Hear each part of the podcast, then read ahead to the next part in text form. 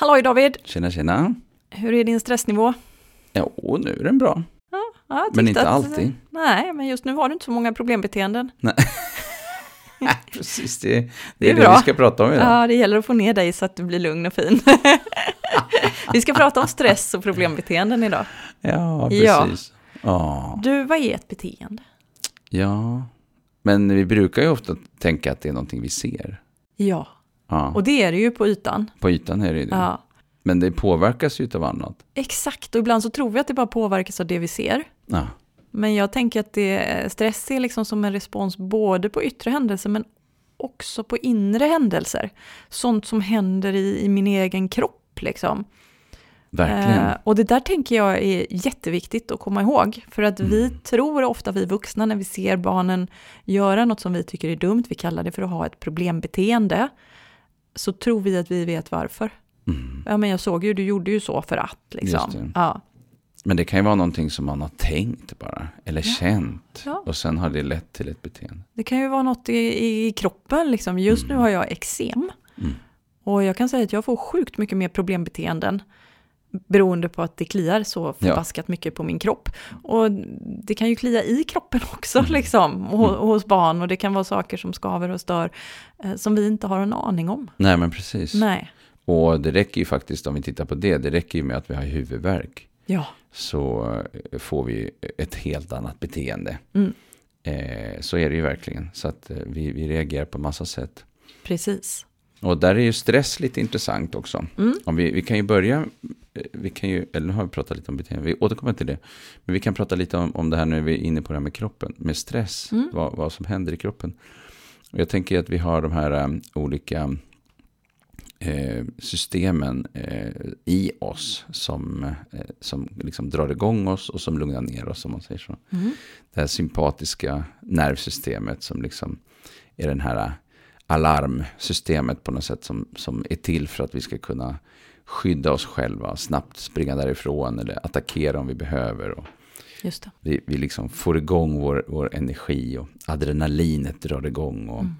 andra sådana ämnen också. Det där som vi behöver när vi möter en björn. Ja i precis. skogen, men Ja. också om någon är dum mot oss på förskolan Ja. kanske, så behöver jag liksom få en aktiverande respons för att sätta en gräns och uttrycka vad jag Ja behöver. men precis, Ja, och man, man tar i lite eller så. Exakt. Och det är andra grejer i kroppen som händer, med, med, som vi ju känner till det där med hjärtfrekvensen som ökar och Mm. andningen som drar igång. Och, och då har vi inte tid att hålla på och processa någon mat. Så hela den här matsmältningsapparaten avslut, av, av, stannar tillfälligt Mm. menar jag. Ehm, och sen svettas vi faktiskt för att kyla ner kroppen. Så det är också Mm. intressant att när vi drar igång oss själva så kommer liksom den respons. Det, är- det är verkligen, den, den är ju, eh, den, den styr sig själv om man säger så. Den, vi kan liksom inte styra över den så där vansinnigt mycket. Alltså, den, den, den har sitt eget, det, det kan vi göra genom att, alltså meditation vet vi till Mm. exempel kan ju hjälpa Mm. människor att, att lättare hitta till, eh, till, snabbt till ett sätt att fungera. Just, Bättre- andning. Bättre på andning Precis. och annat. Att, Mm. man, att vi motverkar, aktivt motverkar den där.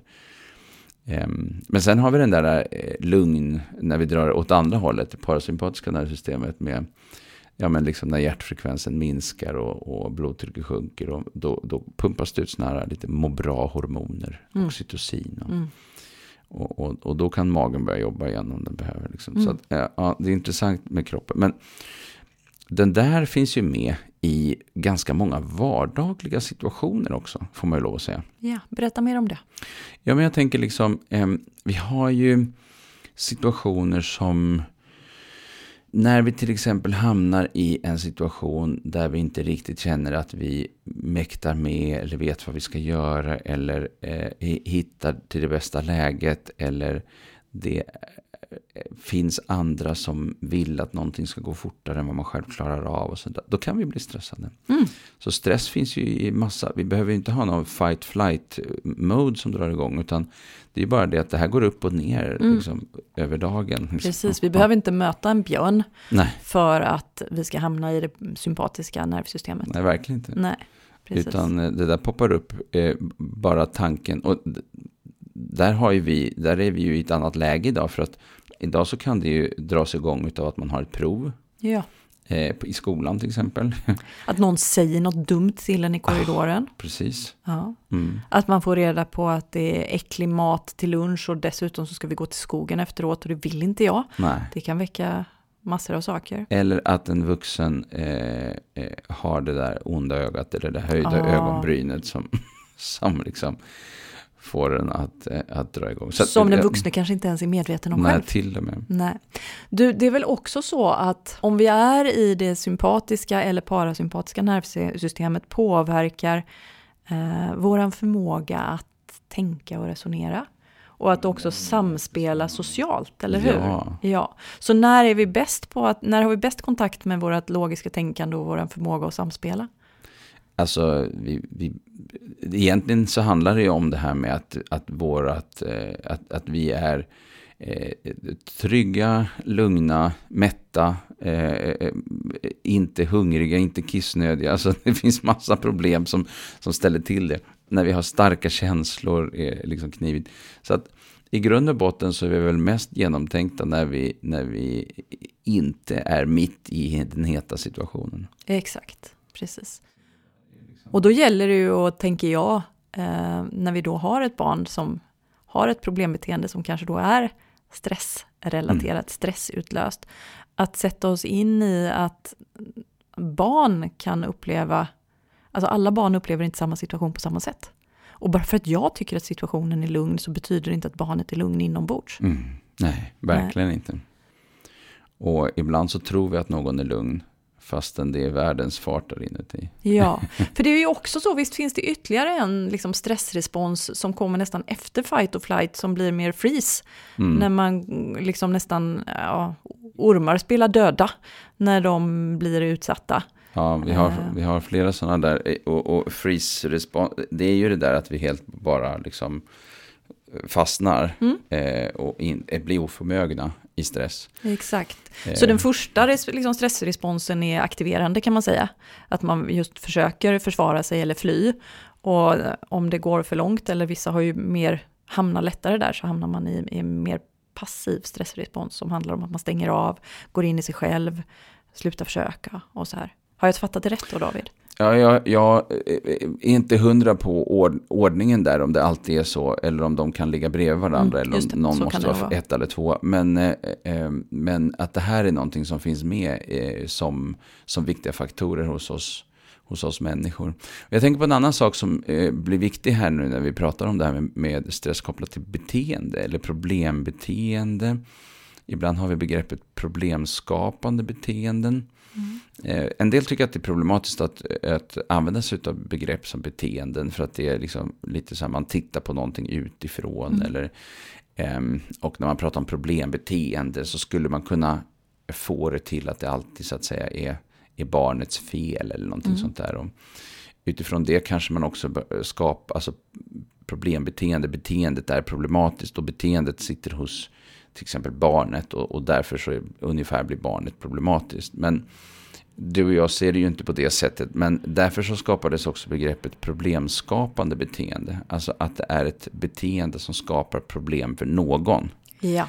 Men det som är intressant när man tittar på det här är ju att de där beteendena som vi kikar på, som vi ibland kan tycka är problematiska, de kan ju vara av det slaget att de egentligen är lösningar för individen. Mm. Alltså barnets lösning är att springa iväg när jag säger att nu ska vi komma för att han eller hon inte vill eller inte förstår varför vi ska iväg eller eh, eh, inte är tillräckligt förberedd eller vad det nu handlar om för någonting. Eh, och då om vi pratar om det som problemskapande beteende så är det ett beteende som skapar problem för omgivningen ofta, men Ja. kanske inte för individen Nej, själv. som kanske faktiskt är en lösning för individen själv. Det är en lösning för individen Ja. själv. Och ska vi hitta en lösning då så måste vi förstå vad skälet är till att barnet använder det som en lösning. Exakt. Och när jag föreläser så har jag en sägning som jag faktiskt som jag tycker är så himla bra, så jag Mm. till och med brukar lägga på den på Eh, nu höll jag på att säga OH-apparaten, ni hör vilket årtionde jag, eller årtusende jag är född på, men jag lägger på den på skärmen bakom mig, Ja. där det står så här att barnets beteende är inte problemet. Barnets beteende är barnets försök att lösa ett problem Mm. som hen har. Och om man tänker så, då ändras ju också liksom det vuxna förhållningssättet från ett där man försöker liksom justera, eliminera barnets beteende till ett där man försöker hjälpa barnet att lösa sina problem. Mm.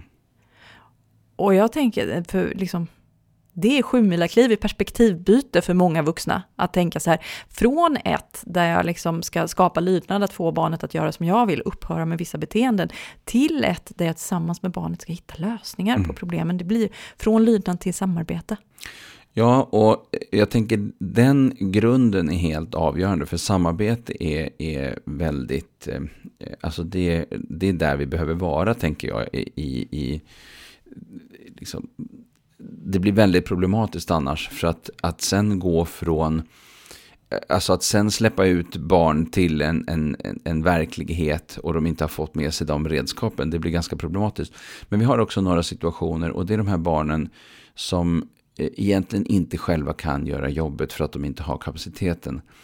Mm. Eh, och eh, även, alltså för vi har ju vissa metoder som är väldigt effektiva som handlar om samarbetsbaserad problemlösning till exempel. Där vi jobbar tillsammans för att hitta lösningar och det finns olika sätt att jobba med det på. Eh, Ross Green till exempel som har skrivit eh, om eh, barn med starka affekter till exempel. Han har utvecklat en modell som heter CPS eh, som handlar om just samarbetsbaserad problemlösning. Och ja.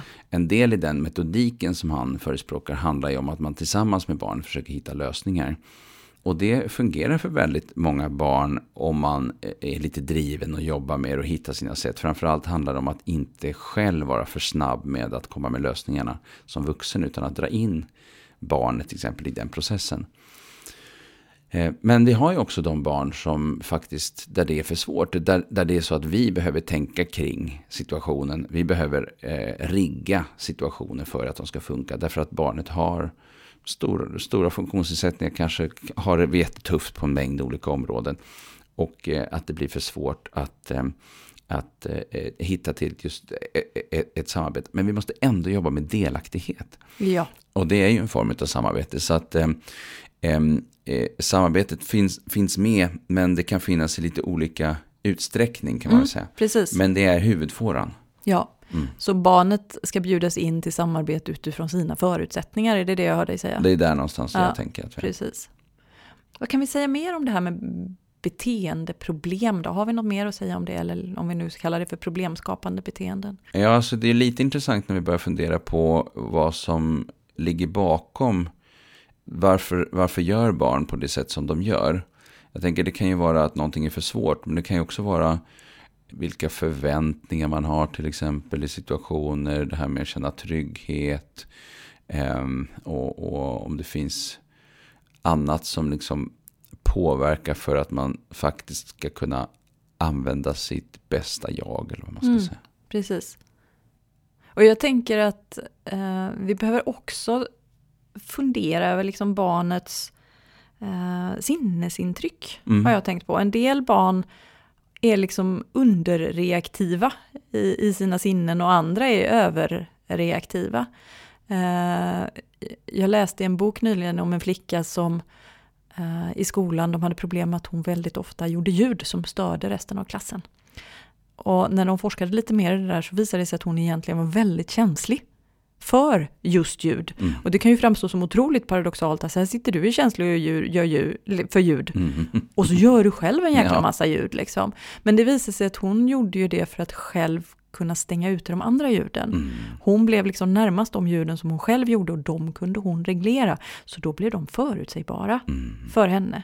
Just det. Eh, så hon behövde ju en helt annan sorts hjälp än tillsägelser. Stör inte. Hon behövde ju få möjlighet att sitta tyst för det var egentligen det hon behövde. Eh, sen finns det de här barnen som har problem med det sinnet som inte är så välkänt, som kallas för proprioception. När man liksom ska avgöra var kroppen befinner sig i rummet så att ja, säga. Precis. Och har man svårt med det så kan det ju väldigt lätt att bli att man blir klumpig i lekar och de andra barnen tycker att man förstör.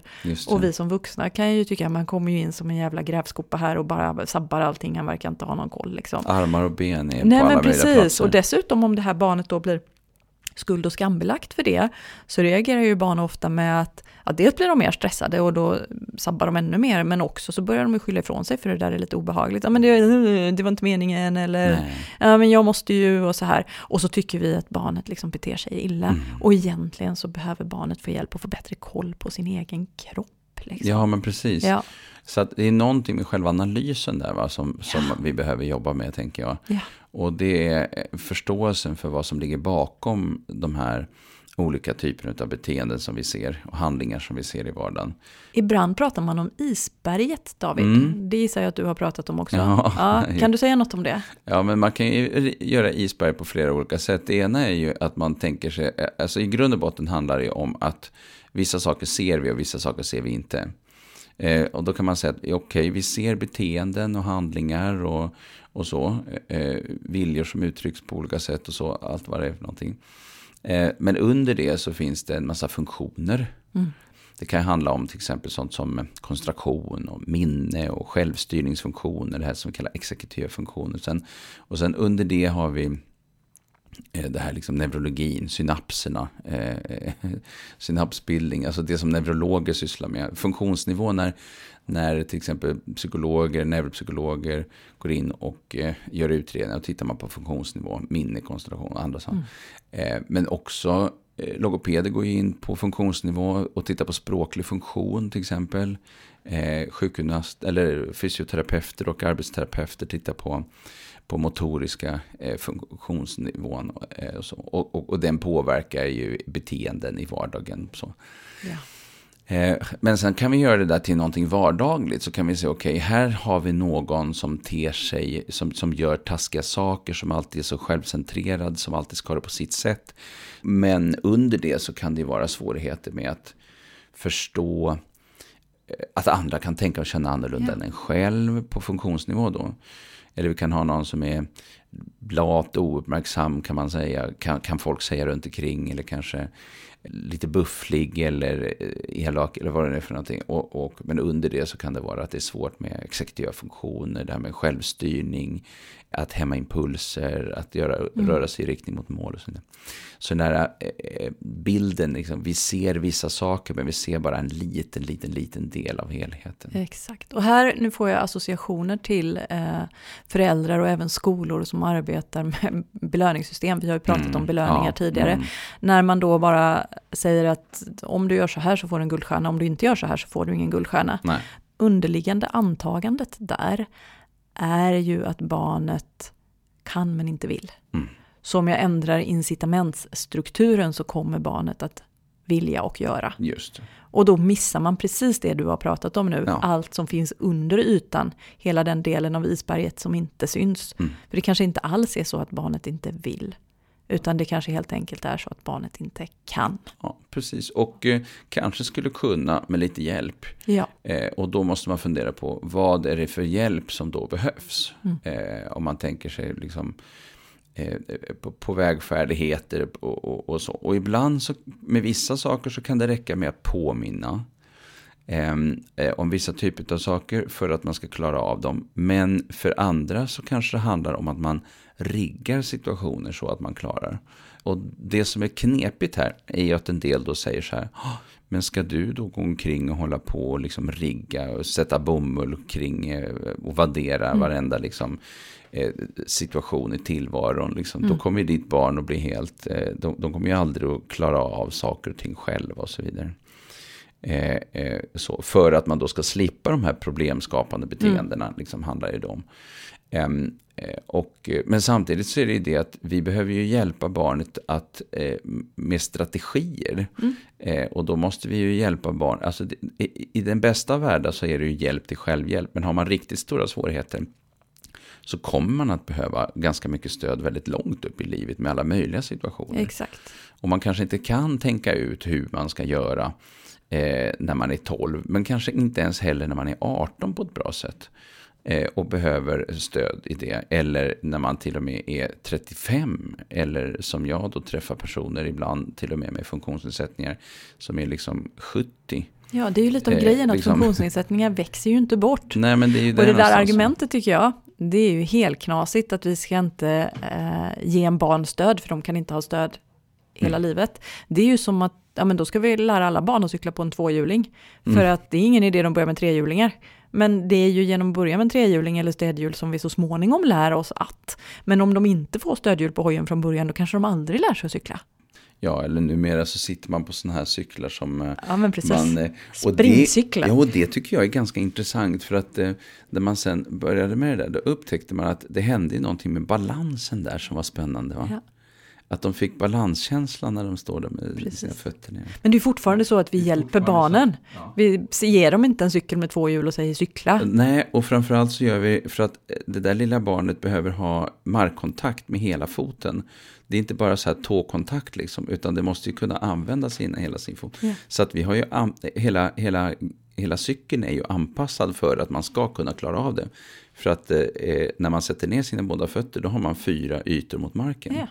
Eh, och eh, tar vi bort eh, två av dem, då blir det jättesvårt Precis. fötterna. Liksom. Alltså det, så att då är vi för tidigt ute. Och då tänker jag så här att med vissa saker så är det så att det tar tid, precis som att gå från eh, den typen av cykel som man sparkar sig fram på till att cykla och hålla varandra. Det tar tid med vissa typer av saker, eh, mycket, mycket längre för vissa, också uppåt i åren när det handlar om sånt som till exempel att se vad den långsiktiga resultatet blir av att eh, tjafsa och retas med någon. Ja. Alltså det här att just i stunden så kanske det blir kul för att då slipper jag göra det här och det här eller då blir det då händer det saker och ting för det är så himla tråkigt just nu. Men in the long run, hela det här, eh, ja då kanske den här personen, det här andra barnet som jag egentligen tycker om, inte vill leka med mig eller vill, inte vill hänga med mig eller någonting sånt där. Och så ser man inte sin, konsekvensen av det. Och det kanske kommer ta tid. Ja. Men, men då måste man ju liksom eh, jobba med det långsamt och successivt och förstå vad som ligger bakom Men det. det är ju ändå alternativet. Ja, Ja. Spelar ingen roll hur vi skulle önska att det var. Vi får Nej. ju liksom deala med hur det är. ja, Ja. precis. Men du David, vi har pratat om vad beteenden är och vi har pratat om problembeteenden som du och jag föredrar att kalla eh, problemskapande beteenden. Eh, hur ska man göra då?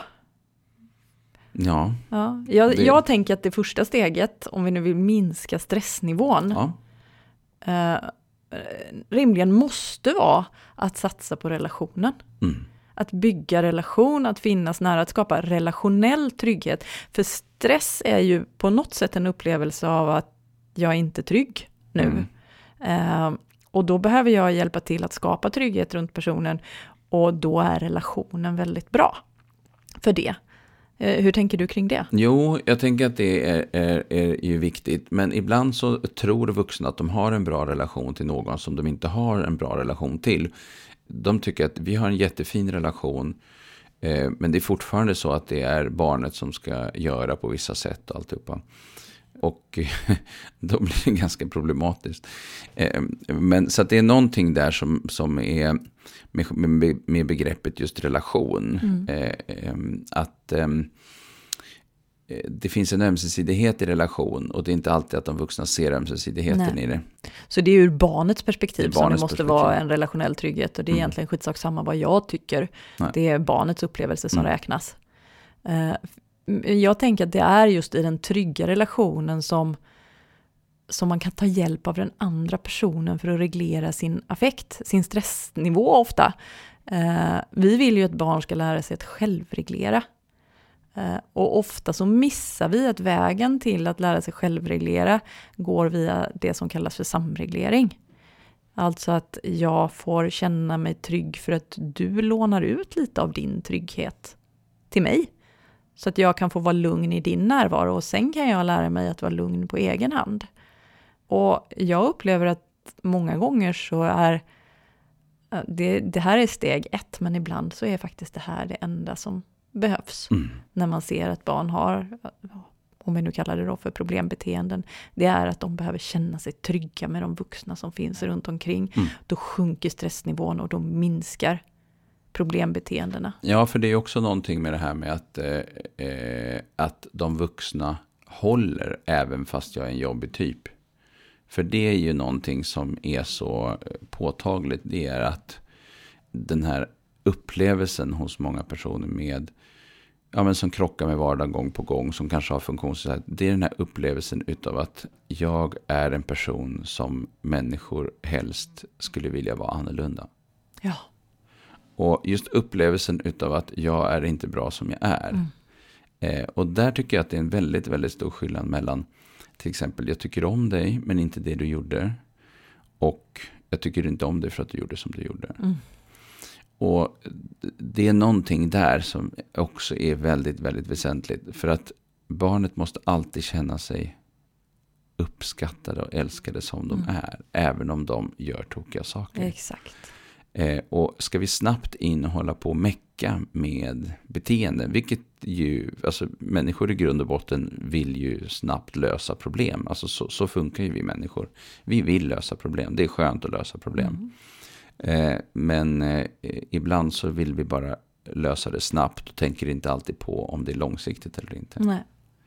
Jag läste en bok av eh, Alfie Cohn som är en eh, amerikansk eh, forskare som håller på mycket med föräldraskap och vuxnas ledarskap. Och han skrev, jag vet inte om han har tjuvat citatet från någon, men han skrev att villkorslös kärlek, villkorslös uppskattning är nödvändigt i trygga relationer. Och villkorslös kärlek, det handlar inte om att acceptera allt som barnet gör, Nej. men det handlar om att acceptera barnet oavsett vad barnet gör. Mm. Och det där, det där Ja, är ju och så det är, viktigt. är mer än ord. Ah. Alltså, tänk, vad betyder det Mm, egentligen? Och hur visar jag det i vardagen med dem jag har omkring mig? Just det. Sen är det ju förstås jättejobbigt med situationer som uppstår där man, om vi säger till exempel att man har ja, en familj med flera barn kanske, de kivas eller man har en klass med massa elever och, de, och det är massa eh, bråk och det är vissa som har jättestora svårigheter.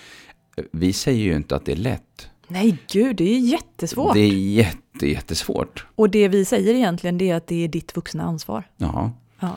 Och det kan vi inte så att säga från, eh, eh, skjuta ifrån oss, det ansvaret. Eh, och det är egentligen först när vi tar, tar till oss utav att det här är vårt ansvar som vi, eh, som vi kan börja hitta ingångar till det. Och, och det handlar ju bland annat om att vi behöver leta efter eh, ingångar till hur man gör, hur man, hur man fi- fixar svåra situationer. Ja. Och det som jag kan se ibland det är att när, när vuxna, om vi tar skolan till exempel, när man i skolan tycker att man har en elev med problemskapande beteende så är det lätt att man börjar rikta det mot barnet eller mot föräldrarna eller mot eh, Rektorn. andra, mot rektorn, specialpedagogen, SOS, BUP, whatever. Ja. Vem som helst, bara inte jag. Bara inte, ja, precis. Nej. Eh, Visst, det är jättemånga som också känner eh, egen eh, upplevelse utav att otillräcklighet och att jag borde kunna mer och alltihopa. Men, men den där biten, det här med att skjuta ifrån sig ansvaret är i alla fall en viktig fråga. Eh, och för vi är inne på det nu, utan det är ju an, ansvarsprincipen som kan, det är ju ett sätt att, att, att tydliggöra att ansvaret måste tillbaka till de vuxna, för det är först då man kan lösa det. Mm. Och det kan vara så att du som pedagog eller vuxen behöver stöd i det. Mm. Du kan naturligtvis lägga ansvaret på någon annan, du kan lägga ut det på entreprenad, men då kommer heller ingenting att hända. Nej. Nej. Så att det är ju bara den som tar ansvar som har möjlighet att påverka. Ja, Ja. det är precis där. Så det det lätt och så svårt är det liksom. Mm. Just så. Du, vad tror du om att avrunda? här? Nej, men vi gör det nu.